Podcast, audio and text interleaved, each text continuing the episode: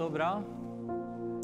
Tusen takk for eh, herlig lovsang eh, også i dag. Tenk at vi kan få lov å tilbe navnet Jesus. Eh, tilbe Han som eh, betyr alt for oss, som vi elsker, eh, og som vi kan få lov å løfte opp eh, også denne søndagen. Skal vi be sammen før vi deler sammen fra Guds ord? Herre, vi takker deg for at uh, du er den samme i går, i dag og til evig tid. Takk at vi kan få lov å løfte deg opp på denne måten. Takk at vi kan fortelle det gode budskapet om deg. Takk at du er her sammen med oss, både oss som er her i Sandvika i dag, uh, og alle de som sitter hjemme eller et annet sted og ser på. Herre, nå ber vi at du vil åpne hjertene våre, eller hjelpe oss å åpne hjertene våre. Tale til oss gjennom det som jeg skal dele. Og vi ber at um, ditt ord skal få lov å skape en forandring i våre liv og i våre hjerter denne søndagen. I Jesu navn så ber vi. Amen. Ja, vi er kommet til uh, bærekraftig tro del to. Det betyr at jeg delte litt om dette også forrige søndag. Og har du ikke fått det med deg, så er det mulig å gå inn på Pinsekirkens nettside og finne også den talen. Men jeg har gledet meg til å fortsette å snakke om tro, og da bærekraftig tro, i dag også. Og jeg håper at du skal få ta med deg noe som kan bety noe i ditt liv, og som kan være både nyttig og bærekraftig i den tiden som vi står midt oppi. Og Jeg har lyst til å begynne med å lese om igjen de to versene som jeg leste fra Hebrebrevet sist. For jeg skal på en måte fortsette med siste delen der. Og Da leste vi sammen fra Hebrebrevet kapittel 12 og de første to versene. Og der står det Derfor, når vi har så stor en sky av vitner omkring oss, så la oss legge av oss alt som tynger, og synden som så lett fanger oss inn, og med utholdenhet fullføre det løpet som ligger foran oss. Med blikket festet på ham som er troens opphavsmann og fullender, Jesus. Og det er det siste som jeg har lyst til å fokusere spesielt på i dag. Men bare for å kort repetere. Forrige søndag så talte jeg litt om det å ha forbilder som har gått foran oss, og som kan inspirere oss i vårt livsløp i dag. Vi behøver ikke å løpe alene, men vi kan finne styrke i det kristne fellesskapet. Og For det andre så behøver vi ikke å løpe med en tung ryggsekk på ryggen. Det går an å sette av oss av den ryggsekken Jesus han inviterer oss til å gi alle våre bekymringer og alt det tunge vi bærer på, over til han. Og Til slutt så snakket jeg om viktigheten av utholdenhet, sånn at vi kan fullføre det løpet som Gud har kalt oss til. Både på kort og på lang sikt.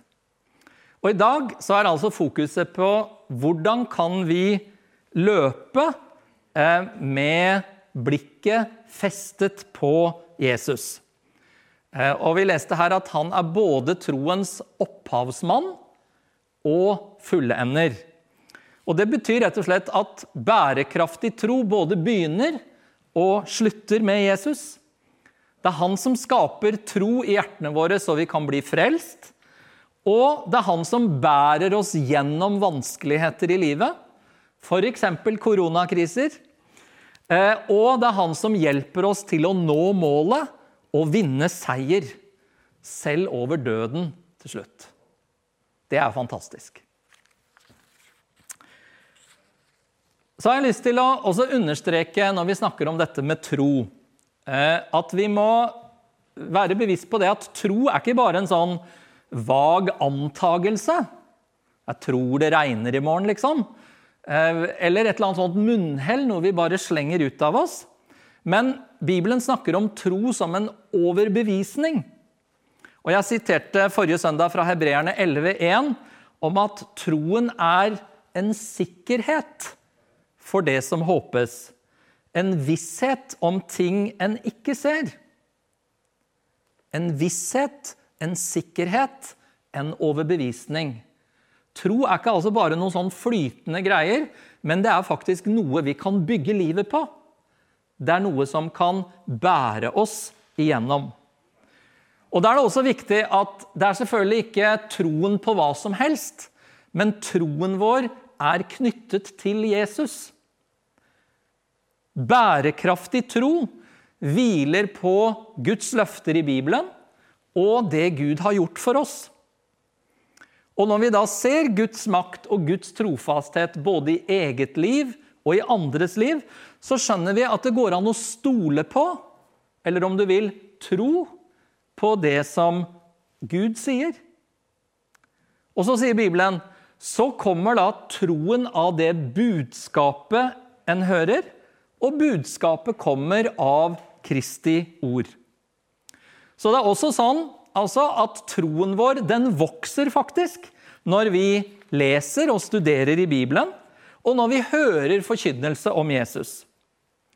Og selv om det er sånn at troen er en gave fra Gud, så er det likevel vårt ansvar at vi eh, gjør noe sånn at troen vår kan utvikle seg og bli sterkere. Og det skjer når vi handler på troen vår, eller den overbevisningen vi har i hjertet. Da får vi se at Gud står bak ordet, at det er sant, det vi tror på. Det går an å sammenligne det litt ikke sant, med å eh, bruke en muskel. Hvis du bruker en muskel, så blir den sterkere når du bruker den. Og sånn er det med troen vår også. Vi må bruke den, vi må, eh, vi må handle på denne overbevisningen.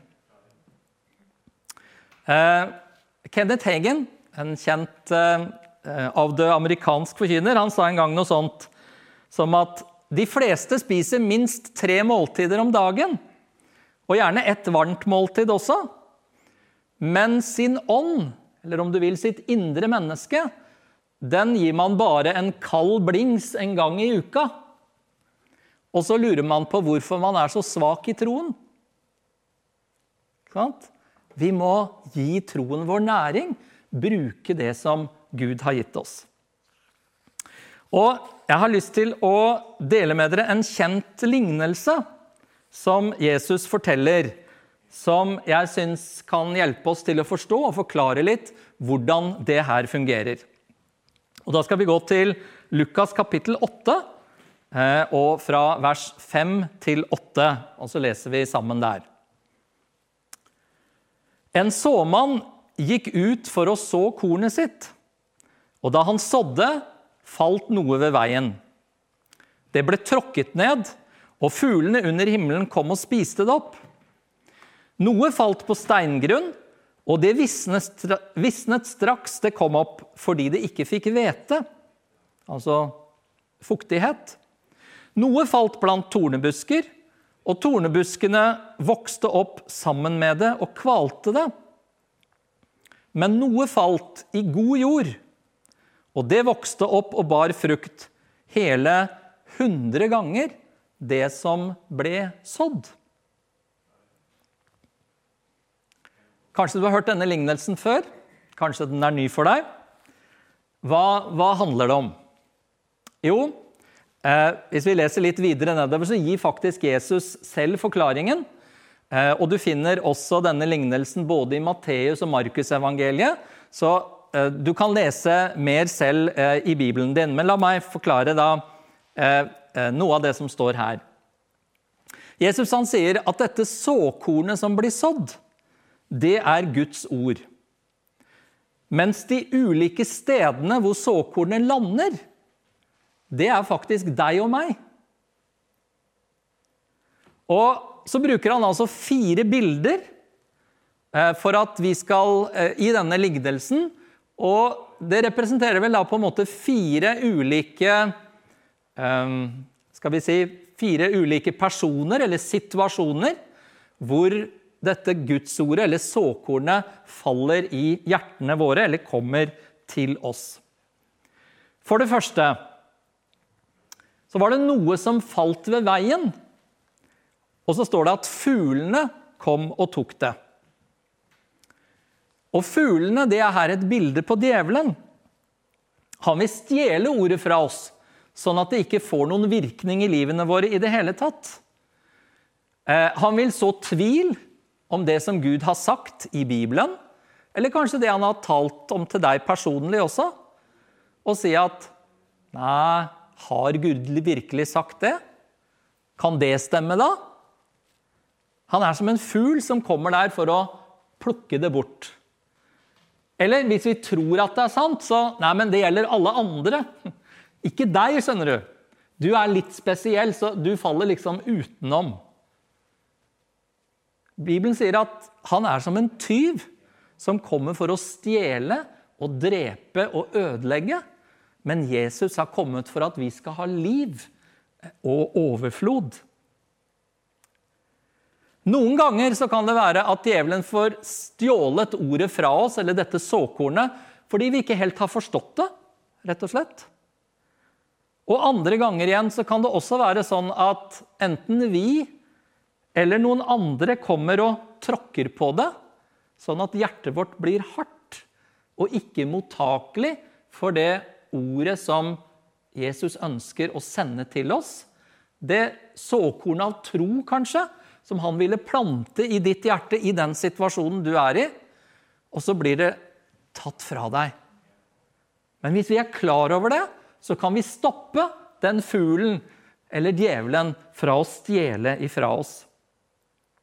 Aller viktigst, eller mest tragisk, er det selvfølgelig hvis djevelen får komme og stjele ordet, sånn at folk ikke får ta imot og komme til tro og bli frelst. Og Jesus sier noe om det her. Så igjen så ser vi altså at dette med tro og Guds ord er noe som hører tett sammen. Og Det er den koblingen jeg vil at du skal prøve å se gjennom det jeg deler i dag. Sånn at, Husk, vi snakker om bærekraftig tro. Troen og ordet de kobler seg sammen, og så gjør det ting i livet vårt. Og hva kan vi gjøre med det? Jo, for det første, vi kan stanse fuglene fra å stjele den troen eller det ordet som kommer til oss. Det andre bildet som Jesus bruker, det er at noe av det som ble sådd ut, det falt på steingrunn. Og Denne gangen så var problemet altså at jordlaget der hvor såkornet kom, det var så tynt at selv om ordet billedlig talt da, ble tatt imot med glede av denne jorda, så slo det ikke rot. Det var for lite jordlag der. Og dermed så visnet denne planten med en gang sola skinte på det som hadde begynt å spire. Jeg vet ikke om du kjenner deg igjen? Er det ikke sånn at vi lett kan bli begeistret for noe? Et godt budskap, noen som sier noe liksom skikkelig bra til oss. Og så dagen etter så liksom føler vi at vi får en trøkk midt i fleisen. Motgangen er der. Og så er det akkurat som om troen bare liksom fordufter som dugg for solen. Vi mangler utholdenhet, og så blir vi motløse isteden. Og Da er det fryktelig viktig at vi forstår det som Bibelen sier, at Guds kjærlighet for eksempel, til oss, den er den samme uansett hvordan vi føler oss den ene dagen eller den andre. Guds løfter er like sanne i dag, enten jeg kjenner det veldig sånn eller ikke. Hvis du har tatt imot Jesus i ditt liv, så tilhører du han. Enten det kjennes sånn eller ikke på en blåmandag eller en regnete torsdag eller hva det måtte være for noe. Vi bygger ikke kristenlivet vårt på følelser. Selv om følelsene er utrolig bra å ha med, så er det ikke det vi stoler på. Troen vår går dypere. Den slår rot, sånn at vi kan stå der også når det er motgang. Eh, I Jeremia så står det et par vers om det. Veldig bra. Jeremia kapittel 17. Husk på at her var noe av problemet at denne planten fikk ikke vann. Det kom ikke noe næring. Og Jeremia han sier kapittel 17, vers 7 og 8. Velsignet er den mann som stoler på Herren og setter sin lit til ham. Altså tror på han. Stoler på han. Han er lik et tre som er plantet ved vann og strekker røttene mot bekken. Det frykter ikke når heten kommer. Løvet er grønt. Det engster seg ikke i tørketider og slutter ikke å bære frukt. Er det ikke der vi har lyst til å være? At vi får ha røtter, at vi kan hente næring, at vi kan hente vann, at vi kan stå på noe trygt, samme hvordan omstendighetene våre er. Bærekraftig tro. Det tredje bildet Jesus bruker, det er at han sier at noe falt blant tornebusker og ble kvalt. Og det er da en tredje mulighet. Vi hører ordet. Det begynner å vokse i livet vårt. Vi liksom kjenner at det her er bra. Begynner kanskje på vandringen vår sammen med Jesus. Eller du går inn i noe som Gud har talt til deg om, og liksom Jo, det her ser fint ut. Men så kommer det inn ting som kveler det fine som du hadde fått. Og Bibelen kaller det her for altså Bildet er tornebusker, men Jesus forklarer at han snakker om livets bekymringer, rikdommens bedrag eller lysten på alle andre ting. Og hvem av oss har ikke opplevd dette? Bekymringer, så lett det kommer. Jeg sa litt om det forrige søndag også.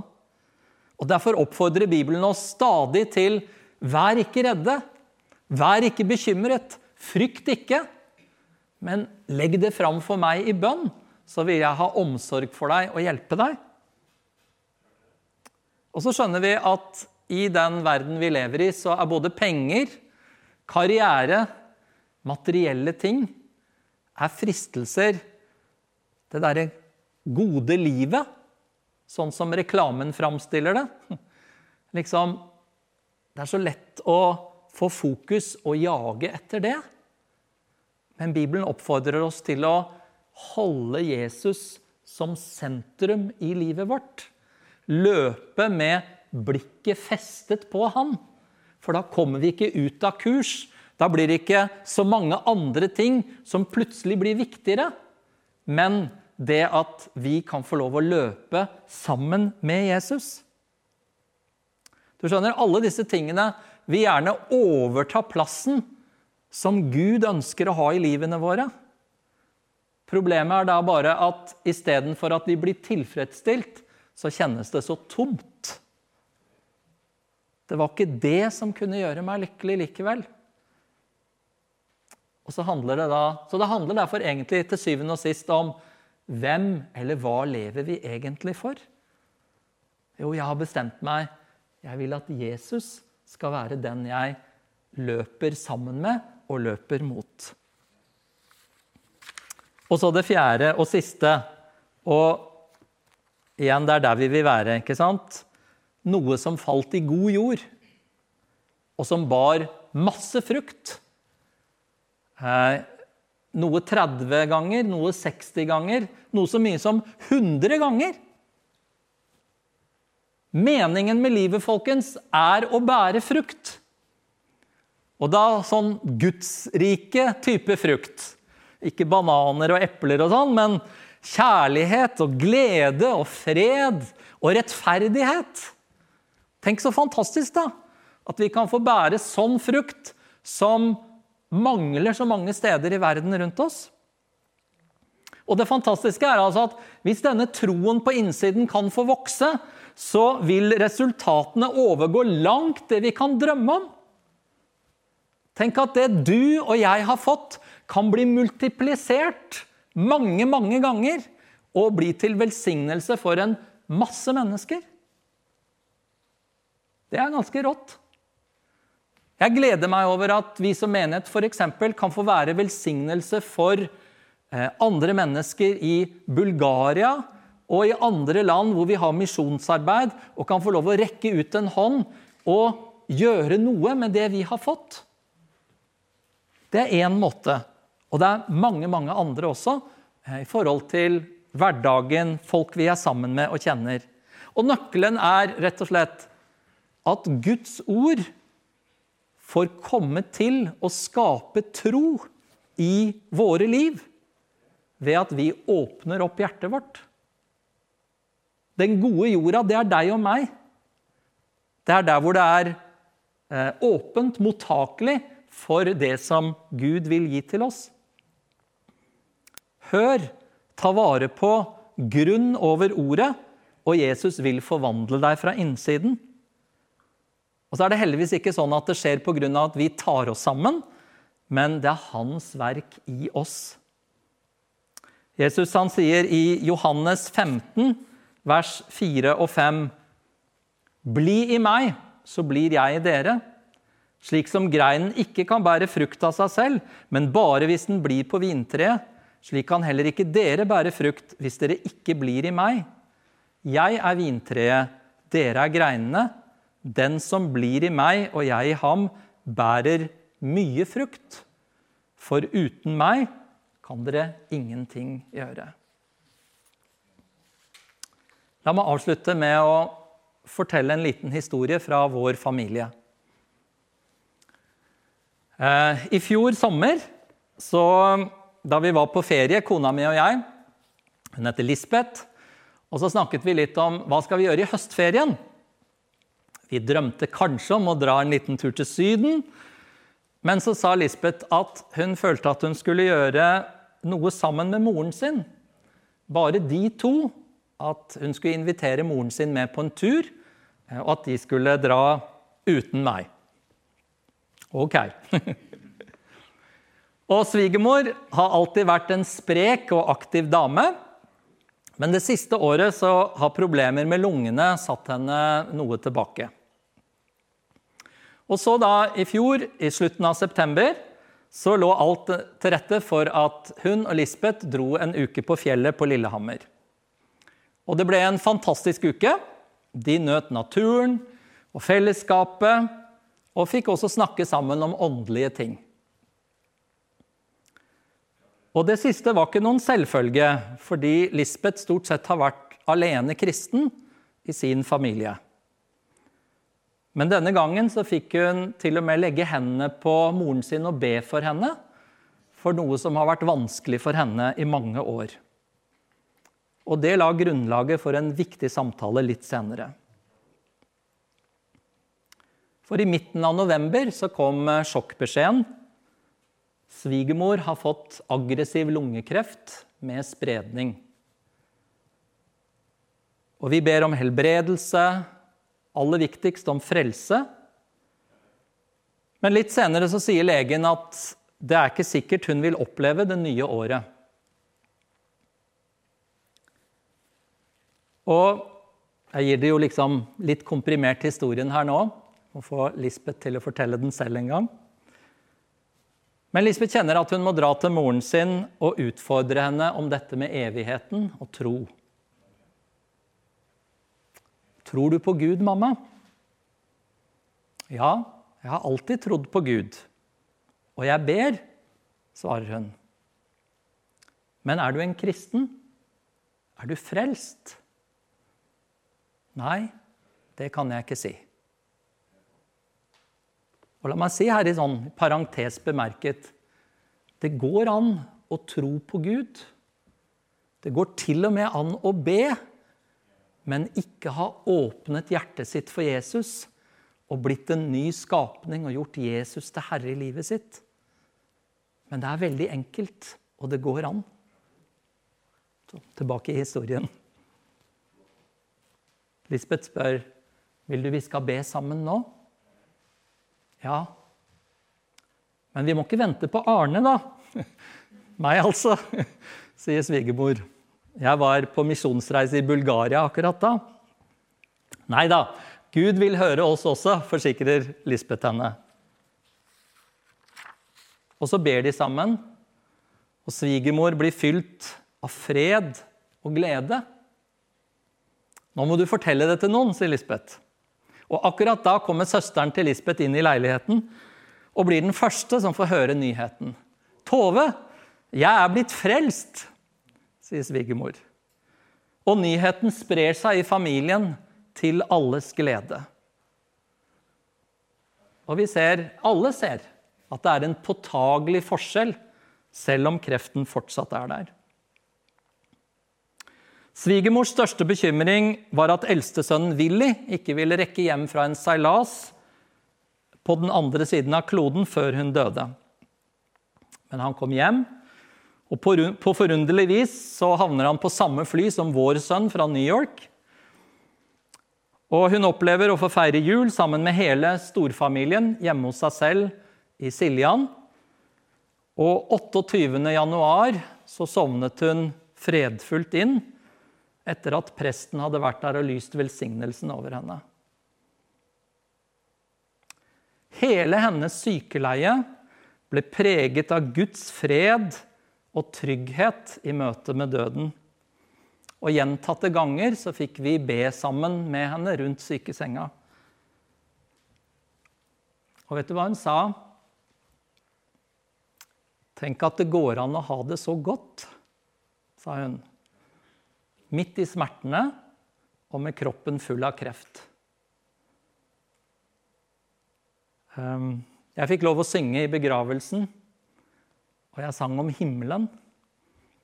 Og vi gråt alle sammen, presten og jeg også.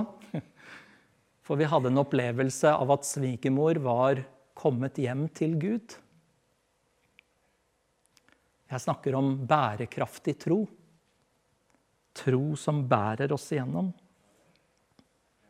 Og la meg lese et vers til slutt fra 1. Peter kapittel 1 vers 8 og 9. Jeg syns det er et fantastisk vers som sier noe om det her som nesten er umulig å få sagt med ord. Men her sier Peter, Han elsker dere, altså Jesus, enda dere ikke har sett ham.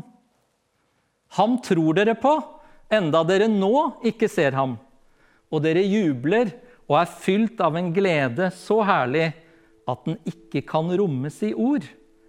For dere når troens mål, frelse for deres sjeler. Hva med deg?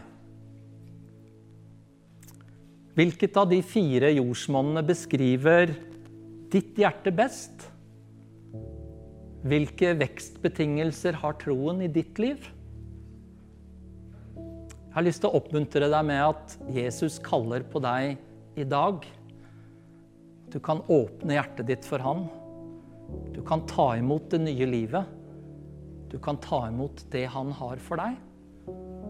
Og om noe har stoppet opp underveis, enten det er at du har kjent at ting har kommet inn i livet og kvalt den spiren, det som Gud hadde lagt der, om det er bekymringer, om djevelen har vært der og stjålet fra deg, så ønsker Jesus å møte deg der du er akkurat nå. La oss be sammen, så kommer lovsangerne, så skal vi synge sammen etterpå. Takk, Jesus, at du ser oss, at du hører oss her akkurat nå. Og nå har jeg lyst til å be Herre spesielt for dem som ser på akkurat nå, og som kjenner at det er kanskje noe som har kommet ut av kurs, noe som har gått litt galt. Ikke blitt sånn som de tenkte. Herre, takk at du er nær hos oss og vil hjelpe oss. Du kan både utfri, og du kan bære oss igjennom, sånn som du gjorde med svigermor. Og mest av alt, Herre, så ber jeg om det er noen som ikke kjenner deg, men som ønsker å åpne hjertet sitt for deg og ta imot. Herre, takk at du ønsker å komme inn i deres liv og hjerte akkurat nå. For alle som tok imot deg, de ga du rett til å bli Guds barn. De som tror på ditt navn. Takk for frelse. Takk for befrielse. Takk for nåde og tro og hjelp for hver enkelt en av oss. Vi ber om det i dag, og i tiden som ligger foran oss. I Jesu navn. Amen.